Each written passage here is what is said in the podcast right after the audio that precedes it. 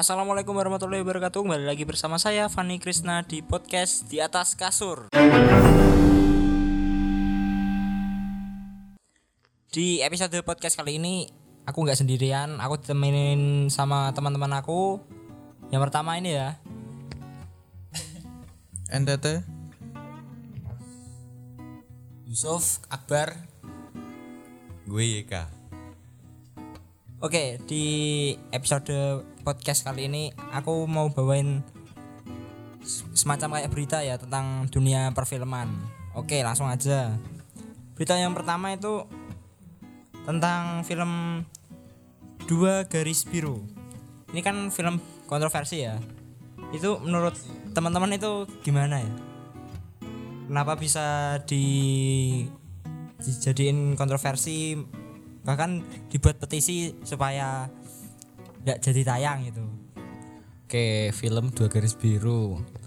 Kalau menurut saya sih film garis dua garis biru ini Kita harus lihat dari sisi positifnya. Kan film itu kan nggak semuanya itu jelek kan? Terus ada maknanya ada pesannya. Dan menurut saya film dua garis biru ini salah satu film yang unik Karena cukup kontroversi ya di, di Indonesia ini. Banyak sebelumnya? Kucumbu Mesra tuh buku itu juga ya Hah. Bu Indah Kucumbu, oh iya Kucumbu Indah Sorry sorry sorry Bu Indahku Nah. Nah, itu kalau menurut saya sih, kan ini filmnya kan pesannya sebagai kita orang anak muda hati-hati kalau berhubung eh, berpacaran. Kita hati-hati kalau punya pacar. Jangan kelewatan. Jangan keluar dalam. Oke, siap, siap. Nah, itu. Nanti nanti dua garis biru. Nah. berarti ini masalah tentang pro tidaknya kita Iya, kita tergantung lihat dari mana. iya iya iya oke oke. Ya. itu kalau pendapat Nah, kalau saya sih setuju setuju aja menurut saya. Kalau saya sih gitu. Oke, lanjut ke sekali Mas Yusuf kali gimana debatnya Kalau pendapat saya sih ada kekurangannya dan ada kelebihannya. Kekurangannya malah di remaja saat ini jika ada film seperti itu malah ditiru, nggak untuk dihindari, ya? bukan untuk pembelajaran tapi malah. malah ditiru Iya, malah ditiru. Jadinya ya dua garis biru. kalau kelebihannya mas Kelebihannya ya apa kita jadi bisa lebih membatasi diri ya? lebih bisa dengan ada film itu kita bisa membatasi diri agar saat berhubungan dengan lawan jenis kita pacar kita atau siapa jangan sampai gitulah. Sampai gitu tuh maksudnya jangan sampai keluarin. Ya keluarnya di luar aja atau pakai pengaman kayak apa kayak itu iya iya iya. Itulah dari saya. Oke, kalau gitu kita lanjut ke berita yang kedua ya. Tentang ini ada pemeran baru dari Batman yaitu si vampir yang dulu memper- meranin GS GS GS di Twilight itu loh namanya Robert Pattinson. Robert Pattinson resmi di memerankan tokoh Batman menggantikan Ben Affleck. Ini menurut kalian akan menjadi lebih bagus atau kemunduran nih?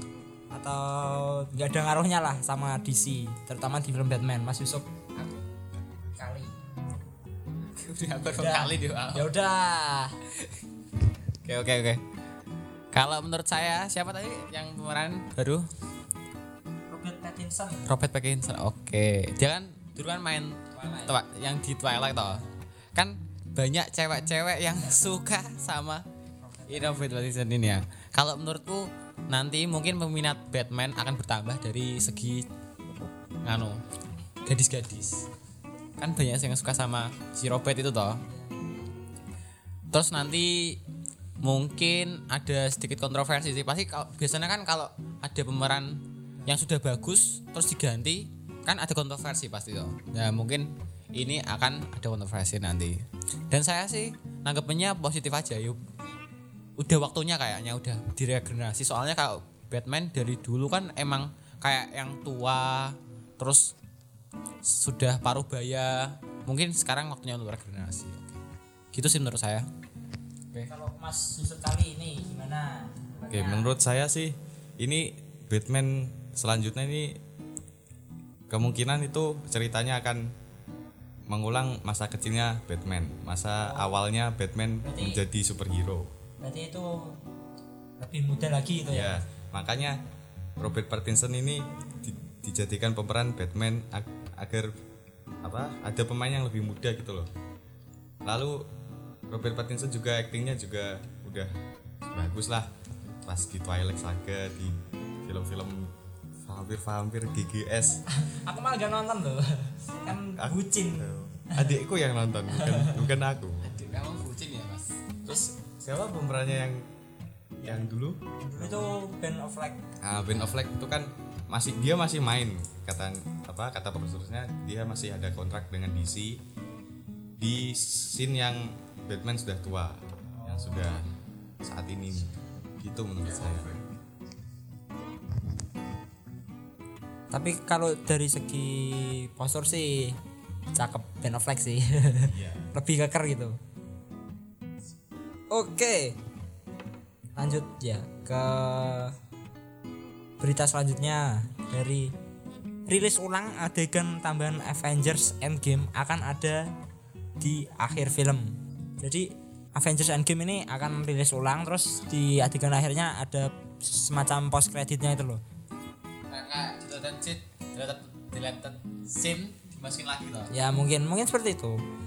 Apakah kalian itu tertarik lagi buat nonton Avengers Endgame ini? Tertarik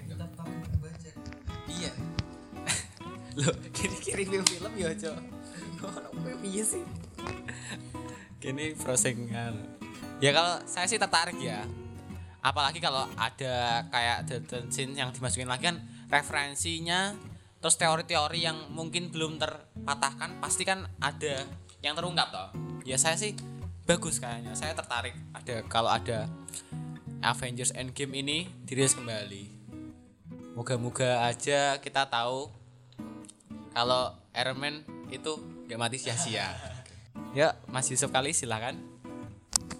saya sih setuju-setuju aja ya. Apa? Soalnya filmnya juga bagus.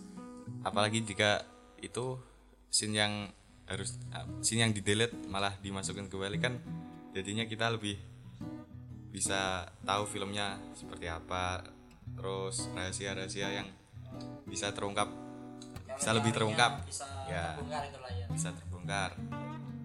Terus ya lebih seru aja gitu. Filmnya jadi lebih ah lebih klimaks lebih greget.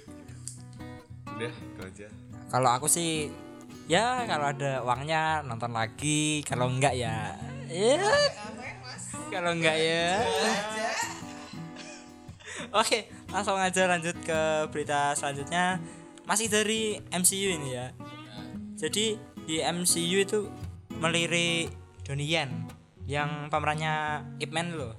Itu dilirik untuk mem- memerankan jagoan kungfu Sang Shang Shang-Chi. Shang-Chi, Ya. Super superhero dari Marvel juga toh itu. baru berarti Iya baru. Maksudnya Neng komiknya lama. di komik lama tapi ini mau movie di ya, neng movie ini lagu baru. dibuat ke MCU baru di film kayak mungkin ini tuh bisa jadi fase awal awal yang baru kedua ini gimana nih pendapatnya Mas Yusuf Akbar dulu lah tentang berita ini Oke. Kalau aku sih keren sih kayaknya sih. Soalnya kan dia kan waktu film-film kemarin yang Ip Man itu kan saya suka aktingnya soalnya. Keren. Terus dia tuh orangnya kayak apa ya?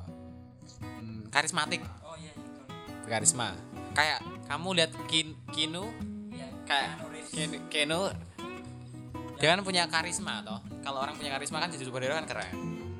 Jadi saya suka sih sama aktingnya dia. Ya moga-moga aja nanti filmnya jadi bagus. Oke. kalau menurutku sih filmnya bakal bagus karena aktingnya dia itu waktu di film-film kungfu seperti Ip Man, Man of Tai Chi itu juga sangat mendalami gitu loh sangat mendalami perannya jadi ya sah-sah aja sih Terus Jadi- dia kan termasuk ke dalam icon kungfu loh. oh iya, iya. Jadi dia cocok sih kalau jadi superhero. kalau mau melirik Jackie Chan juga udah tua Ah, Jackie Chan. Aku juga kasih nama Jackie Chan. Sebenarnya kalau Iya. Jackie Chan masih muda sih, aku lebih cenderung ke prefer ke Jackie Jackie Chan. Chan. Tapi Iya. kan ya usia lah ya. Usia. Jadi ya Dorian nggak apa-apa lah. nggak apa-apa lah terus juga Jackie Chan juga aktingnya banyak yang komedi-komedi fight gitu Oh iya. udah itu dari saya Oke, mungkin itu dulu podcast episode kali ini. Kami mohon maaf kalau ada kesalahan-kesalahan kata. Wassalamualaikum warahmatullahi wabarakatuh.